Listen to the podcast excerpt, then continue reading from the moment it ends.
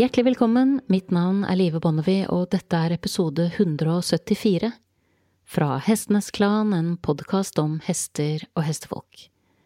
Og på planen min i dag så står det to ting. Det ene er et åpent brev til FI, Det internasjonale rytterforbundet, og det andre er en ambisjon om å samle inn underskrifter til det jeg håper kan bli begynnelsen på en ny æra for hestene i sporten.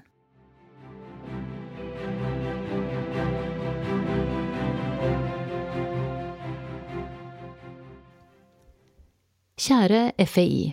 Jeg har lenge tenkt at jeg skulle sende dere det barnevernet og Mattilsynet kaller en bekymringsmelding. En melding som kan sendes anonymt dersom man er bekymret for at barn eller dyr utsettes for mishandling eller overgrep. Og det er ikke tilfeldig at jeg sender denne meldingen akkurat nå. For noen få dager siden publiserte TV 2 Danmark andre del av den kontroversielle dokumentaren Operasjon X, hestemilliardærens hemmeligheter, der en journalist med skjult kamera avdekker svært kritikkverdige forhold hos Helgstrand Dressage. En dokumentar som allerede ti måneder før den ble publisert, skapte overskrifter over hele verden. Dokumentaren finnes nå tilgjengelig hos TV 2 Danmark, på svensk TV4 og her i Norge er det VGTV som sitter på rettighetene. Og forhandlingene om frikjøp av rettigheter for resten av verden, de er godt i gang. For det vi har å gjøre med her, det er ikke bare den største skandalen som har rammet hestesporten på lenge. Har også gjøre med et stort svik. Et svik som ikke på noen måte avgrenser seg til Danmark, for å starte et sted. Et svik som dessverre heller ikke begrenser seg verken til FEI eller de nasjonale rytterforbundene. Men det skal jeg komme tilbake til. Den mye omtalte dokumentaren avdekker ikke bare kritikkverdige forhold hos en internasjonal topprytter, som også satser stort innenfor avl og driver en av verdens mest anerkjente salgsstaller for dressurhester.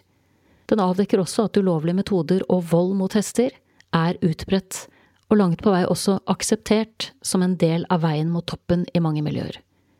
Betyr det at alle som er involvert i hestesport, behandler hestene sine dårlig? Selvsagt ikke.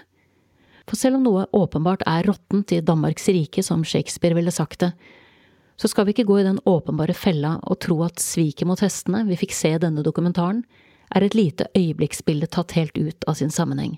Vi skal heller ikke glemme at selv om mange på innsiden av sporten er overrasket over å se omfanget av den systemfeilen som blir avdekket i dokumentaren, så er det veldig få som er sjokkert, noe som i seg selv er et stort tankekors, når hester har blødende sår etter sporer, blødende munner etter bitt, og at de spennes så hardt inn at de verken kan se eller puste normalt.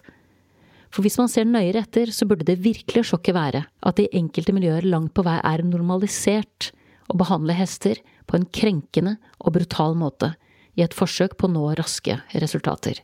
Og vi skal heller ikke glemme at publikum, og andre som pleier å betrakte sporten på avstand, og forbinde dressur og sprang med skinnende blanke hester, blomsteroppsatser og oppbyggelig musikk, i høyeste grad vil reagere. Både med berettiget sjokk, vantro, avsky og sinne. For dem er det lite som skiller det de her får se, fra NRKs dokumentarer om griseindustriens hemmeligheter og pelsdyroppdrett. Så denne gangen så vil det nok kreves mer enn pressemeldinger, festtaler og velferdskonferanser for å rydde opp.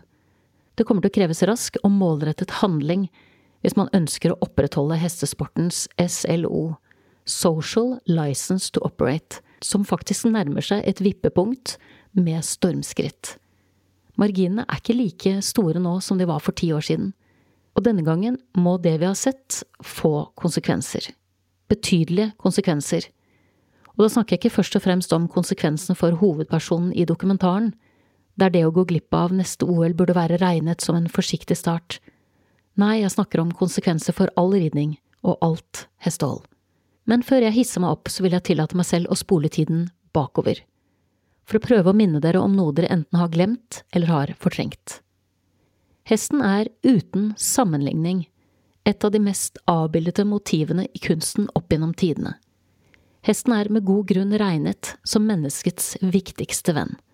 Vi har bygget våre sivilisasjoner fra hesteryggen. Hestene har vunnet våre slag, forflyttet oss over enorme avstander, pløyd våre marker og ryddet våre skoger. Hesten var vår første krigsmaskin, vår første bil og vårt første tog og fortsatt måler vi motorkraft i form av hestekrefter. Men det vi ikke har vært like gode på å måle, det er hvordan vi i dag utnytter disse kreftene, og ikke minst hvilken pris hestene må betale for det. Som dere vet, så hadde vi allerede før denne skandalen et ganske hardt ordskifte om hvorvidt dressuren og deler av hestesporten er på ville veier eller ikke.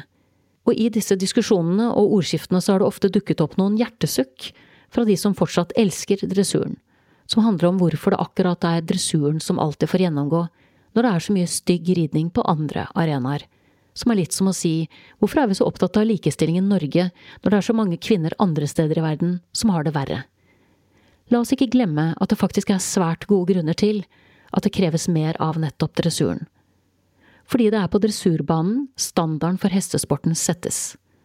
Som dere i FI selv skriver på deres egne hjemmesider fritt etter hukommelsen, dressuren kan spores tilbake til antikkens Hellas, og er ansett som den høyeste formen for ridning og den mest kunstneriske delen av hestesporten. Xenofon skrev The Art of Horsemanship allerede for 2500 år siden, så dressuren er jo langt fra noe nytt. Men det som derimot er nytt fra de siste tiårene, det er måten dressuren forvaltes på. Den som tier, samtykker, sies det. Men det stemmer ikke alltid helt. For mange har blitt tvunget til å tie mot sin vilje når det gjelder måten hestene våre behandles på. Mange mangler mot til å stå imot press. Mange har hevet stemmen, men opplevet at de har blitt ignorert og oversett. Og hestene selv som desperat forsøker å fortelle oss hvor galt ting er fatt. De har fått på seg nesreimer som ofte er så stramme at de er egnet til å kvele det meste av både motstand og innvendinger. For ja, det er en myte at hester må ha et godt liv for å yte godt. Akkurat som en mink på en pelsdyrfarm kan ha blank pels, høner i trange bur kan legge egg, og griser i altfor trange båser likevel produsere kjøtt, så kan hesten så absolutt tvinges til det meste – hvis bare trusselen om smerte og ubehag er stor nok. Og hvis stevner arrangert av Det internasjonale rytterforbundet ikke slår ned på stygg ridning på oppvarmingsbanene og åpenbar konfliktatferd, eller setter en etisk og velferdsmessig standard for sporten, hva tror dere skjer på stevnet lenger ned i næringskjeden da, der blomsteroppsatsene glimrer med sitt fravær? Hva tror dere skjer i stallene? Hva tror dere skjer i rideskolene? Så her har dere den altså, bekymringsmeldingen som fort kunne komme til å havne i den vanlige bunken av ubehandlet innkomne post. Men denne gangen prøver vi oss med en litt annen vri. Denne gangen har vi valgt å følge pengene, og henvende oss med et felles internasjonalt opprop stilt direkte til Longines, skrevet Longines, et merkenavn mange vil ha et forhold til fordi de har vært FIs største sponsor de siste ti årene. Og det er ofte nettopp deres elegante logo som vaier fra toppen av vimplene på stendeplassen. Avslutningsvis så vil jeg forsikre meg om at det finnes et støtteapparat for Helgstrand i FI. For den stormen han og hans nærmeste står i nå, og alt det raseriet som sendes i hans retning, det er urimelig hardt. For han tar ikke bare imot det velfortjente sinnet over bildene som flimrer over TV-skjermen i disse dager, han tar også imot det enorme etterslepet av sinne som har magasinert seg opp over noe som ligner en generasjon, og som har intensivert seg betydelig i styrke de siste årene et sinne som dere ikke har evnet å ta på alvor. Mens dere finner ut av dette, så skal jeg bruke de neste dagene til å møkke etterslepet i utegangen til min egen hest, diskutere alternativer for bedre underlag i utegangsskuret og se på noen nye fòrhekker. Og så skal jeg prøve å få hesten min av gårde på en lenge utsatt utredning fordi han ikke er helt seg selv. Og mens jeg er opptatt med å feie for min egen dør, så håper jeg både dere i FAI og alle andre som hører denne episoden, gjør det samme. For den endringen vi trenger her, den kan ikke komme fra toppen alene. Og den kan ikke komme fra bunnen alene heller. Vi må alle ta i et tak. Det trengs rett og slett en real dugnad av godt, gammelt norsk merke. Og vi må slutte å tie eller snu ryggen til når noen tråkker over streken. Det er et viktig første steg. Vi må rett og slett både bry oss og blande oss mer. Fordi hestene våre fortjener det. Du har nettopp hørt episode 174 fra Hestenes Klan, en podkast om hester og hestefolk. Og underskriftkampanjen jeg sterkt oppfordrer deg til å delta på. Den finner du på podkastens eh, Facebook-side, Hestenes Klan. Du finner den på min hjemmeside, livebonnevi.no, og du finner den også i episodebeskrivelsen. Jeg pleier ofte å bruke tid på å takke folk som har bidratt på podkasten, og i tillegg til min faste komponist Fredrik Blom, designeren av podkastens visuelle profil, Ove Hals, og min lyddesigner Stig Holte, så vil jeg også takke de som har stilt opp på denne underskriftskampanjen.